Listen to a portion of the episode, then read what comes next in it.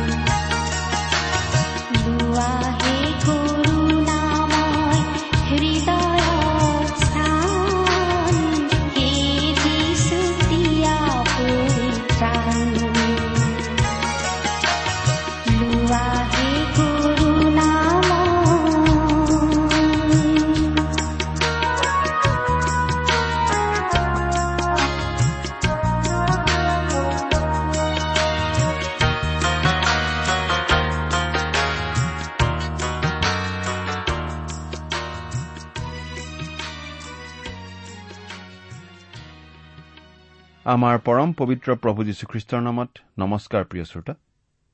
আশা কৰোঁ আপুনি ভালে কুশলে আছে। আপুনি আমাৰ এই ভক্তিবচন অনুষ্ঠান নিয়মিতভাৱে শুনি আছেনে বাৰু? এই ভক্তিবচন অনুষ্ঠানৰ জৰিয়তে আমি ঈশ্বৰৰ মহান বাক্য বাইবেল শাস্ত্ৰ অধ্যয়ন কৰি আহিছো। এই অনুষ্ঠানৰ বহুতো শ্ৰোতাই আমালৈ নিয়মিতভাৱে চিঠি পত্ৰ লিখি থাকে।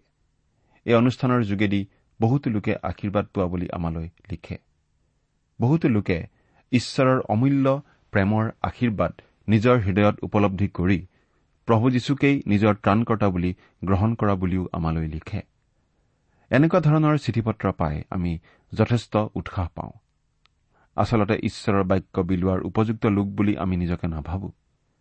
কিন্তু ঈশ্বৰৰ ওপৰতেই ভৰসা কৰি আমি যিমান পাৰো সহজ সৰলভাৱে বাইবেল অধ্যয়নৰ এই অনুষ্ঠান আগবঢ়াবলৈ চেষ্টা কৰি আহিছো। আমাৰ এই প্ৰচেষ্টাত আমি কিমান সফল হৈছো তাৰ মতামত আপোনালোকেহে দিব পাৰিব। আপুনি বাৰু আপোনাৰ মতামত জনাই কেতিয়াবা আমালৈ চিঠি লিখিছেনে? যদি লিখা নাই আজি এই দুষাৰিমান লিখি নপঠিয়াই কিয়? আহকচোন পৰমপিতা পৰমেশ্বৰৰ ওচৰত প্ৰাৰ্থনাত মূৰ নত কৰোঁ হওক। হে আমাৰ স্বৰ্গত থকা অসীম দয়ালু পিতৃ ঈশ্বৰ তোমাক অশেষ ধন্যবাদ। কিয়নো তুমি আমাক আকৌ এটা নতুন দিন দেখিবলৈ দিলা আৰু তোমাৰ বাক্য অধ্যয়ন কৰিবলৈ এই সুযোগ আমাক দিছা। প্ৰভু তোমাক ধন্যবাদ। কিয়নো তুমি আমাক অশেষ প্ৰেম অনুগ্ৰহ দয়া কৰুণা দেখুৱাই আহিছা। আমাক উদ্ধাৰ কৰিবলৈ তুমি তোমাৰ একেজাত পুত্ৰ যীশুখ্ৰীষ্টকেই আমালৈ দান কৰিলা যাতে তেওঁত বিশ্বাস কৰি আমি নৰকৰ পৰা ৰক্ষা পাই অনন্ত জীৱনৰ অধিকাৰী হ'ব পাৰো। তাৰ বাবে তোমাক শতকোটিবাৰ ধন্যবাদ পিতা। এতিয়া তোমাৰ মহান বাক্য বাইবেল শাস্ত্ৰ অধ্যয়ন কৰিবলৈ আমি আগবাঢ়িছো। তুমি আমাক সহায় কৰা যাতে তোমাৰ বাক্য আমি বুজি পাব পাৰো। তুমিয়েই আমাক শিকোৱা তুমিয়েই আমাক বুজোৱা তুমিয়েই আমাক কথা কোৱা। এই অনুষ্ঠান শুনি থকা প্ৰতিজন শ্ৰোতাক তুমি বিশেষভাৱে আশীৰ্বাদ কৰা কিয়নো এই প্ৰাৰ্থনা আমাৰ মহান ত্ৰাণকৰ্তা মৃত্যুঞ্জয়ী প্ৰভু যীশুখ্ৰীষ্টৰ নামত অৰ্পণ কৰিছো।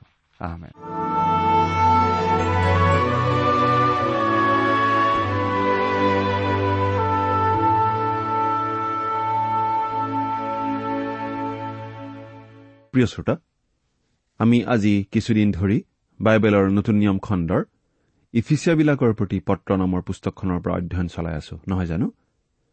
আমি বাৰু যোৱা অনুষ্ঠানত কি আলোচনা কৰিছিলো আপোনাৰ মনত আছেনে? আমি এই ইফিচিয়া পত্ৰৰ চাৰি নম্বৰ অধ্যায়ৰ একৈশ নম্বৰ পদলৈকে পঢ়ি আমাৰ আলোচনা আগবঢ়াইছিলো নহয় জানো? আজি আমি এই চাৰি নম্বৰ অধ্যায়ৰ বাকী থকা পদকেইটা পঢ়ি আমাৰ অধ্যয়ন আগুৱাই নিব খুজিছো। অনুগ্ৰহ কৰি আপোনাৰ বাইবেলখন মেলি লওকচোন। বাইবেলৰ পৰা এতিয়া পাঠ কৰি দিম। ইফিচিয়া চাৰি নম্বৰ অধ্যায়ৰ বাইশ নম্বৰ পদৰ পৰা চৌবিশ নম্বৰ পদলৈকে প্ৰথমতে পঢ়িছো। অৰ্থাৎ প্ৰবঞ্চনাৰ কু অভিলাষৰ দৰে নষ্ট হৈ যোৱা পুৰাতন পুৰুষক পূৰ্বকালৰ আচাৰৰ কথাত সলাই থৈ নিজ নিজ মনৰ আত্মাত নতুন কৰা হৈ সত্যতাৰ ধাৰ্মিকতা আৰু পবিত্ৰতাত ঈশ্বৰৰ প্ৰতিমূৰ্তিৰ দৰে সৃষ্ট হোৱা নতুন পুৰুষক পিন্ধিবলৈ তোমালোকে শিক্ষা পালা। পুৰাতন পুৰুষক সলাই থৈ নতুন পুৰুষক পিন্ধিবলৈ। খ্ৰীষ্টীয় বিশ্বাসীসকলে পুৰণি পুৰুষক শুলুকাই থৈ নতুন পুৰুষক পিন্ধিব লাগে বুলি কোৱা হৈছে। ঠিক পুৰণি কাপোৰ শুলুকাই নতুন কাপোৰ পিন্ধাৰ নিচিনাকৈ। পুৰণি লেতেৰা সাজ পোছাক সলাই নতুন পৰিষ্কাৰ পোছাক পিন্ধাৰ নিচিনাকৈ। এই পুৰণি পুৰুষক শুলুকাই নতুন পুৰুষক পিন্ধা কামটো আমি নিজৰ চেষ্টাৰে কৰিব নোৱাৰো। নাইবা খ্ৰীষ্টৰ নিচিনাকৈ আদৰ্শ জীৱন যাপন কৰিবলৈ চেষ্টা কৰিও আমি নোৱাৰো। আচলতে এই কামটো খ্ৰীষ্টই নিজৰ ক্ৰুচীয় মৃত্যুৰ দ্বাৰা ইতিমধ্যে কৰি থৈ গৈছে প্ৰতিজন বিশ্বাসীৰ বাবে। আমি আচলতে নিজে কাপোৰ পিন্ধি ল'ব নোৱাৰো কেঁচুৱাৰ নিচিনা। অৰ্থাৎ আমি আম্মিকভাৱে কেঁচুৱা হৈ থকা বাবে সেই আম্মিক কাপোৰ পিন্ধি ল'ব নোৱাৰো। আমাৰ ঘৰত যদি সৰু ল'ৰা ছোৱালী আছে তেনেহলে আমি দেখিছোৱেই যে সৰু ল'ৰা ছোৱালীয়ে নিজে কাপোৰ পিন্ধাত বৰ ভাল নহয়। কৰবাৰ বুটাম কৰবাত মাৰিব হয়তো ওলোটাকৈ পিন্ধিব। আমি খ্ৰীষ্টীয় বিশ্বাসী হিচাপে কেতিয়াও সেইটো অৱস্থালৈ আহিব নোৱাৰো। কেতিয়াও আমি নিজৰ চেষ্টাৰে সম্পূৰ্ণ ধাৰ্মিক হ'ব নোৱাৰো আৰু আমি তেনেকুৱা কৰিবলৈ চেষ্টা কৰা উচিত নহয়। কাৰণ আমাৰ কাৰণে সেই কামটো ইতিমধ্যেই কৰি থোৱা হৈছে।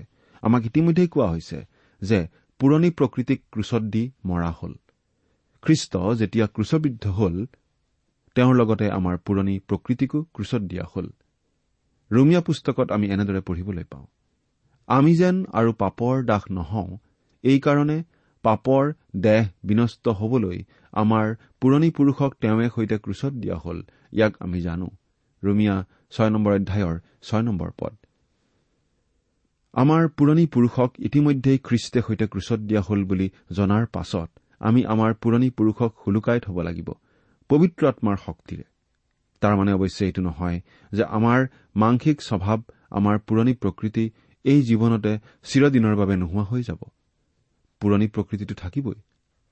আমি এই পুৰণি প্ৰকৃতিৰ পৰা আমনি পাই থাকিম। কিন্তু আমি এই পুৰণি পুৰুষ বা পুৰণি প্ৰকৃতি অনুসাৰে চলিব নালাগিব।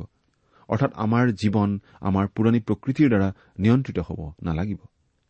আনহাতে প্ৰভু যীশুক গ্ৰহণ কৰাৰ লগে লগে আমি লাভ কৰো এটা নতুন প্ৰকৃতি। পবিত্ৰ আত্মাৰ শক্তিৰে নতুন জন্ম লাভ কৰাৰ ফলতেই আমি এই নতুন প্ৰকৃতি লাভ কৰো। খ্ৰীষ্টত আশ্ৰয় লোৱা প্ৰতিজন মানুহেই নতুন সৃষ্টি।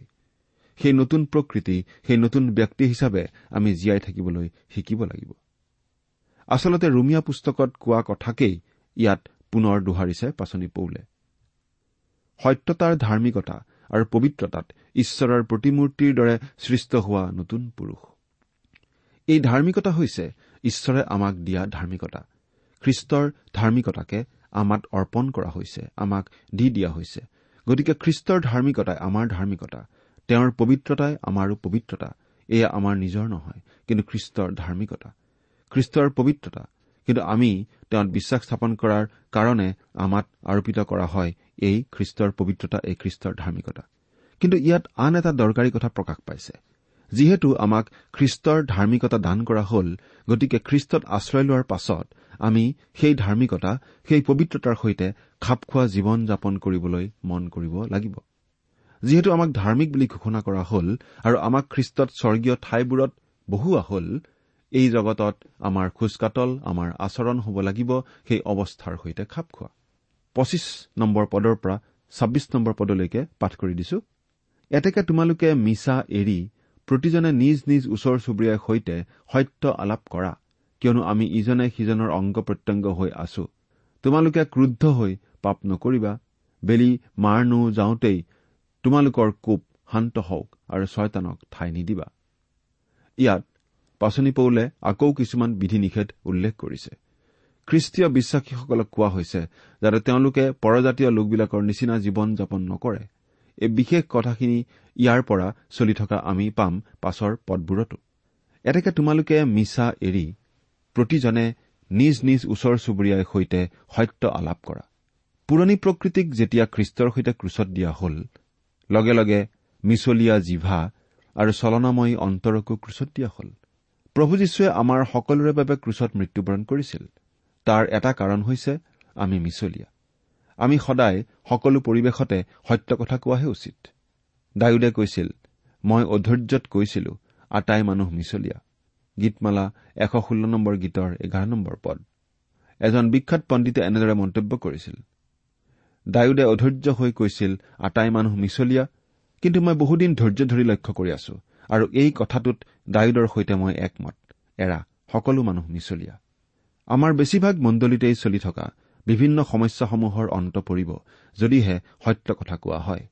ইজনে সিজনৰ আগত সত্য কথা কবলৈ ললে বহুতো সমস্যা নোহোৱা হৈ যাব। প্ৰতিজন খ্ৰীষ্টীয় বিশ্বাসীয়েই পৰস্পৰে পৰস্পৰৰ আগত সত্য কথা কোৱা উচিত কাৰণ তেওঁলোক একেটা দেহ অৰ্থাৎ খ্ৰীষ্টৰ শৰীৰৰ অংগ। ইয়াতে এটা উদাহৰণ দিব খুজিছো। ধৰক শৰীৰৰ বিভিন্ন অংগই পৰস্পৰে পৰস্পৰৰ আগত মিছা কথা কবলৈ ধৰিলে। চকুৱে ভৰিৰ আগত ভৰিয়ে চকুৰ আগত মিছা কথা কব ধৰিলে। ধৰক এটা দ গাঁত আছে আৰু সেই গাঁতটোৰ মুখত কিছুমান ঘাঁহ বন পৰি আছে। আৰু সেইটো গাঁত হয়নে নহয় সেইটো এনেই চকুৰে চাই গম পোৱা নাযায়। তেতিয়া জানো ভৰিৰে লাহেকৈ চুই চাই তলত গাত আছেনে টান মাটি আছে সেইটো পৰীক্ষা কৰি চাব নালাগিব। তেতিয়া জানো ভৰিখনে চকুক মিছা কথা কব। যদিহে মিছা কথা কয় লাভটো কাৰ হ'ব আৰু লোকচানটো কাৰ হ'ব? আকৌ ধৰক এটা ভয়ংকৰ জন্তুৰ পৰা পলাই পলাই লুকাই চুৰকৈ আহিব লগা হৈছে। তেতিয়া চকুৱে নিৰ্দেশ দিব লাগিব ভৰিক কোনপিনে যোৱা উচিত কোনপিনে যোৱা অনুচিত। চকুৱে যদি মিছা কথা কয় তেতিয়া কি হ'ব? ভৰিখনৰ লগতে চকুটো অৰ্থাৎ গোটেই শৰীৰটোৱে বিপদত নপৰিব জানো? ভৰিয়ে চকুক নঠগায় কাৰণ তেওঁলোক একেটা শৰীৰৰেই অংগ। চকুৱেও ভৰিক নঠগায়। ঠিক একেদৰে প্ৰতিজন খ্ৰীষ্টীয় বিশ্বাসী একেটা শৰীৰ অৰ্থাৎ খ্ৰীষ্টৰ শৰীৰৰ অংগ। গতিকে খ্ৰীষ্টীয় বিশ্বাসীসকলেও পৰস্পৰে পৰস্পৰৰ আগত সদায় সত্য কথাহে কোৱা উচিত। কোনেও কাকো মিছা কথা কোৱা উচিত নহয়। তোমালোকে ক্ৰুদ্ধ হৈ পাপ নকৰিবা। খ্ৰীষ্টীয় বিশ্বাসীৰ বাৰু খং উঠা উচিত নে? বহুতো মানুহে ভাবে যে খ্ৰীষ্টীয় বিশ্বাসী লোকে কেতিয়াও খং নকৰি সকলো পৰিস্থিতিতেই হাঁহিমুখে থাকিব লাগে। কিন্তু কিছুমান বিশেষ পৰিস্থিতিত খ্ৰীষ্টীয় বিশ্বাসীজনৰো খং উঠা উচিত। সত্যৰ যুঁজত কোনো খ্ৰীষ্টীয় বিশ্বাসী নিৰপেক্ষ হৈ থাকিব নোৱাৰে। মিছা কথা কোৱা পৰচৰ্চা কৰা যিকোনো জিভাকেই তেওঁ ঘীন কৰিব লাগিব বিশেষকৈ যদিহে খ্ৰীষ্টীয় বিশ্বাসী হয়। কিন্তু খ্ৰীষ্টীয় বিশ্বাসী হিচাপে কোনো মানুহকেই আমি অন্তৰৰ পৰা ঘীন কৰা নাইবা কাৰো প্ৰতি তিক্ততাৰ ভাৱ ৰখা উচিত নহয়। আনৰ অন্যায় কেতিয়াও চিন্তা কৰা অনুচিত। সকলো হিংসা সকলো চল কপট অসূয়া আৰু সকলো পৰচৰ্চা দূৰ কৰি নতুনকৈ জন্মা শিশুবিলাকৰ দৰে মিহলি নোহোৱা আম্মিক গাখীৰলৈ হাবিয়াস কৰা। এইবুলি বাইবেলত লিখিছে প্ৰথম পিতৰ দুই নম্বৰ অধ্যায়ৰ দুই নম্বৰ পদত। আনৰ প্ৰতি কপট ভাৱ ৰখা মানে আচলতে আনৰ প্ৰতি মনতে খং পুহি ৰখাকেই বুজায়। কিন্তু যেতিয়া কোনো ধৰণৰ বেয়া ভাৱ বা ভুল বুজাবুজি আঁতৰ কৰি আনৰ আগত আকৌ মিল হোৱা যায় তাৰ পিছত কোনো ধৰণৰ শত্ৰুতাৰ ভাৱ থকা উচিত নহয়। ক্ষমা কৰাৰ লগে লগে কথাবোৰ পাহৰি যোৱাও উচিত। অন্তৰত আনৰ প্ৰতি ঘৃণা বা আন পাপপূৰ্ণ চিন্তা পুহি ৰাখিলে আমাৰ জীৱনক ছয়তানৰ হাতত গতাই দিয়াৰ নিচিনা হয়। প্ৰায়বিলাক মানুহৰ অন্তৰতেই কিন্তু কিবা নহয় কিবা এটা খোকোজা ৰৈ থাকে। তেওঁলোকে কিছুমান মানুহক বেয়া পায়েই থাকে। সেই কথা তেওঁলোকে পাহৰিব নোৱাৰে। মনৰ পৰা সেই চিন্তা দূৰ কৰিব নোৱাৰে প্ৰিয় শ্ৰোতা। যদিহে আন ব্যক্তিৰ লগত আমাৰ সম্বন্ধ আমি ঠিকে ৰাখিব খোজো আমি কাৰো প্ৰতি কোনো তিক্ততা নাৰাখি সকলোকে ক্ষমা কৰিবলৈ শিকিবই লাগিব। প্ৰভু যীশুৱেও খং প্ৰকাশ কৰিছিল। এবাৰ তেওঁ ধৰ্মধামলৈ গৈছিল আৰু তাতে জথৰ হাতৰ মানুহ এজন আছিল। ফৰিচীবিলাকে সেই মানুহজন তাত ৰাখি থৈছিল আৰু প্ৰভু যীশুৱেনো কি কৰে তাকে চাব খুজিছিল।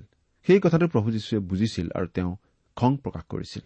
বাইবেলত এনেদৰে লিখা আছে তেতিয়া তেওঁ তেওঁবিলাকৰ হৃদয়ৰ কঠিনতাৰ কাৰণে অসন্তোষ কৰি খঙেৰে চাৰিওফালে তেওঁবিলাকলৈ চাই সেই মানুহজনক কলে তোমাৰ হাত মেলা। মাৰ্ক তিনি অধ্যায় পাঁচ নম্বৰ পদ। সেই কাম কৰাৰ কাৰণে আমাৰ প্ৰভুৱে ফৰিচীবিলাকৰ প্ৰতি খঙৰ ভাৱ প্ৰদৰ্শন কৰিছিল। আমাক এই বুলিও কোৱা হৈছে মন্দ লোকৰ প্ৰতি ঈশ্বৰে সকলো সময়তে ক্ৰোধ প্ৰদৰ্শন কৰে কিন্তু তেওঁলোকে তেওঁলোকৰ মন্দতা ত্যাগ কৰি তেওঁৰ প্ৰতি ঘূৰাৰ লগে লগে ঈশ্বৰে তেওঁলোকক উদ্ধাৰ কৰে। প্ৰতিজন খ্ৰীষ্টীয় বিশ্বাসীৰ মনোবৃত্তিও তেনেকুৱা হোৱা উচিত। আচলতে খ্ৰীষ্টীয় বিশ্বাসী হিচাপে কেতিয়াও নিৰপেক্ষ হৈ আমি থাকিব নোৱাৰো। যিটো বেয়া আমি সেইটোক বেয়া বুলি কবই লাগিব।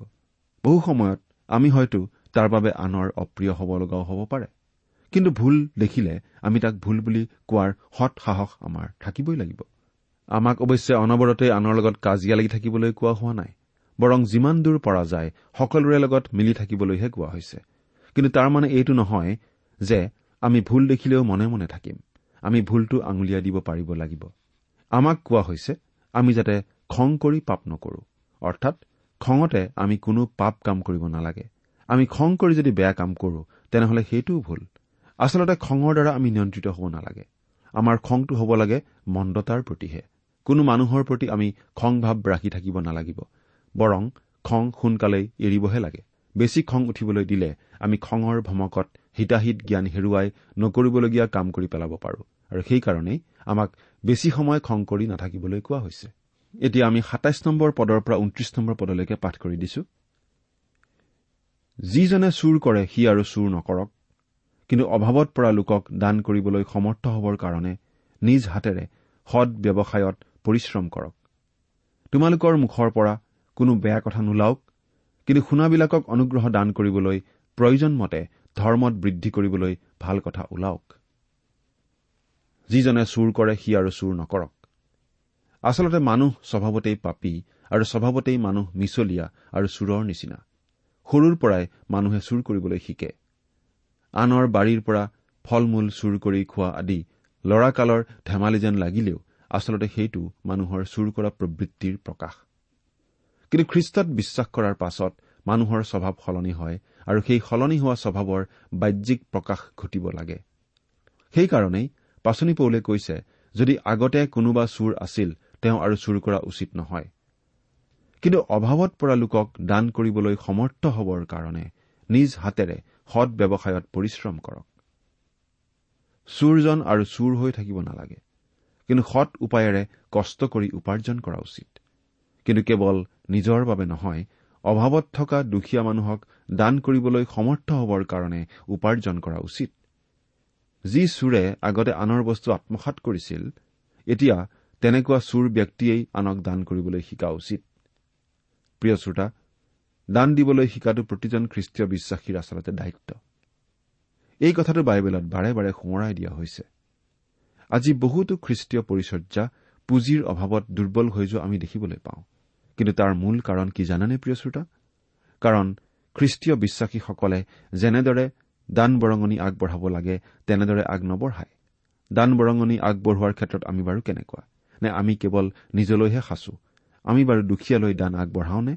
খ্ৰীষ্টীয় পৰিচৰ্যালৈ দান আগবঢ়াওনে? তোমালোকৰ মুখৰ পৰা কোনো ধৰণৰ বেয়া কথা নোলাওক।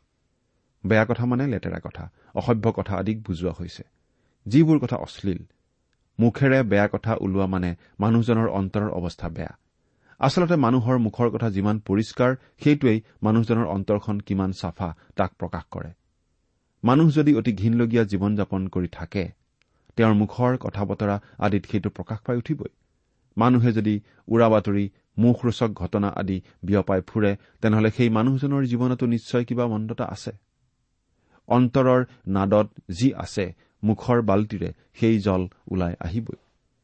কিন্তু খ্ৰীষ্টীয় বিশ্বাসীৰ অন্তৰ পৰিষ্কাৰ হোৱা উচিত জীৱন পৰিষ্কাৰ হোৱা উচিত কথা বতৰা পৰিষ্কাৰ হোৱা উচিত।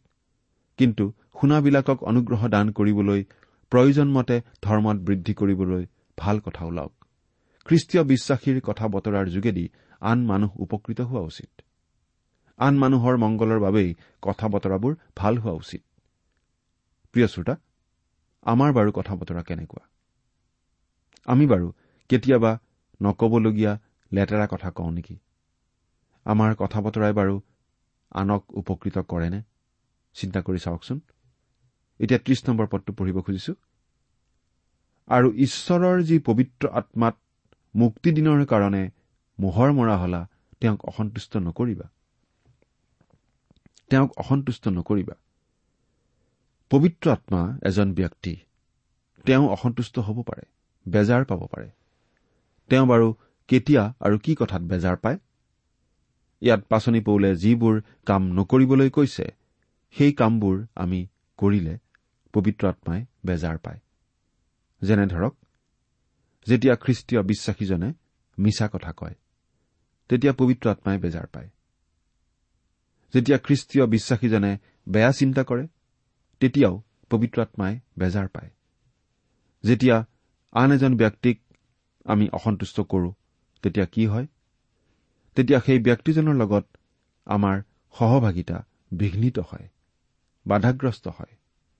প্ৰিয় শ্ৰোতা আমি বাৰু পবিত্ৰ আত্মাক কিবা প্ৰকাৰে বেজাৰ দিছো নেকি?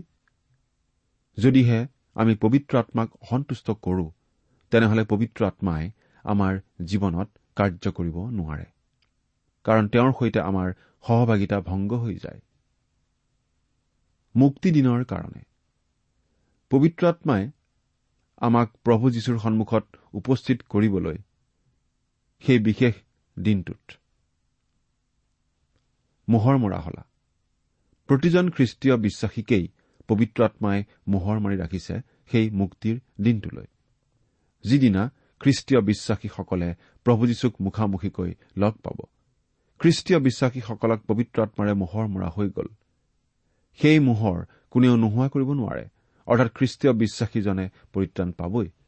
কিন্তু পবিত্ৰ আত্মাক অসন্তুষ্ট কৰিলে আমি পৰিত্ৰাণৰ আনন্দ উপভোগ কৰাৰ পৰা বঞ্চিত হওঁ। এতিয়া একত্ৰিশ আৰু বত্ৰিশ নম্বৰ পদ দুটা পঢ়ি দিছো। সকলো কটু বাক্য খং ক্ৰোধ দণ্ড নিন্দা এই সকলো আটাই হিংসাই সৈতে তোমালোকৰ পৰা দূৰ হওক আৰু তোমালোক পৰস্পৰে হিতকাৰী আৰু কোমল চিত্ৰৰ লোক হৈ ঈশ্বৰে তোমালোকক যেনেকৈ খ্ৰীষ্টত ক্ষমা কৰিলে তেনেকৈ তোমালোকেও পৰস্পৰে ক্ষমা কৰা। আৰু কি কি কাম আমি কৰা উচিত নহয় তাৰ এখন তালিকা আমি ইয়াত পাওঁ। কটু বাক্য খং ক্ৰোধ দণ্ড নিন্দা এই সকলোবিলাক আৰু সকলো ধৰণৰ হিংসা খ্ৰীষ্টীয় বিশ্বাসীৰ মাজৰ পৰা দূৰ হ'ব লাগে। কিন্তু খ্ৰীষ্টীয় বিশ্বাসীজন হ'ব লাগে কোমল হৃদয়ৰ আনৰ মংগল চিন্তা কৰা লোক। আমি হ'ব পাৰিব লাগিব শত্ৰুকো প্ৰেম কৰিব পৰা লোক। আমাক পিতৃ ঈশ্বৰে খ্ৰীষ্টত যেনেকৈ ক্ষমা কৰিলে তেনেকৈ আমিও পৰস্পৰক ক্ষমা কৰিবলৈ শিকা উচিত ক্ষমা কৰা উচিত। আচলতে আমি ঈশ্বৰৰ পৰা ক্ষমা লাভ কৰাৰ উপযুক্ত নহয়। আমি দণ্ড পোৱাৰহে উপযুক্ত আছিলো। কিন্তু প্ৰভু যীশুখ্ৰীষ্টই ক্ৰুচত আমাৰ হৈ আমাৰ পৰিৱৰ্তে আমাৰ পাবলগীয়া শাস্তি মৃত্যু দণ্ড নিজে বহন কৰিলে। তাৰ ভিত্তিতেই আজি প্ৰতিজন খ্ৰীষ্টীয় বিশ্বাসীক পিতৃ ঈশ্বৰে ক্ষমা কৰে। আৰু এইটো একমাত্ৰ ঈশ্বৰৰ অনুগ্ৰহৰহে কাম। ঠিক একেদৰে পিতৃ ঈশ্বৰৰ পৰা এই অনুগ্ৰহ লাভ কৰা। আমি প্ৰতিজন খ্ৰীষ্টীয় বিশ্বাসীয়েই আনক সম্পূৰ্ণৰূপে ক্ষমা কৰিবলৈ শিকা উচিত। প্ৰিয় শ্ৰোতা আপুনি বাৰু সকলোকে সমানে ক্ষমা কৰিব পৰা হৈছেনে?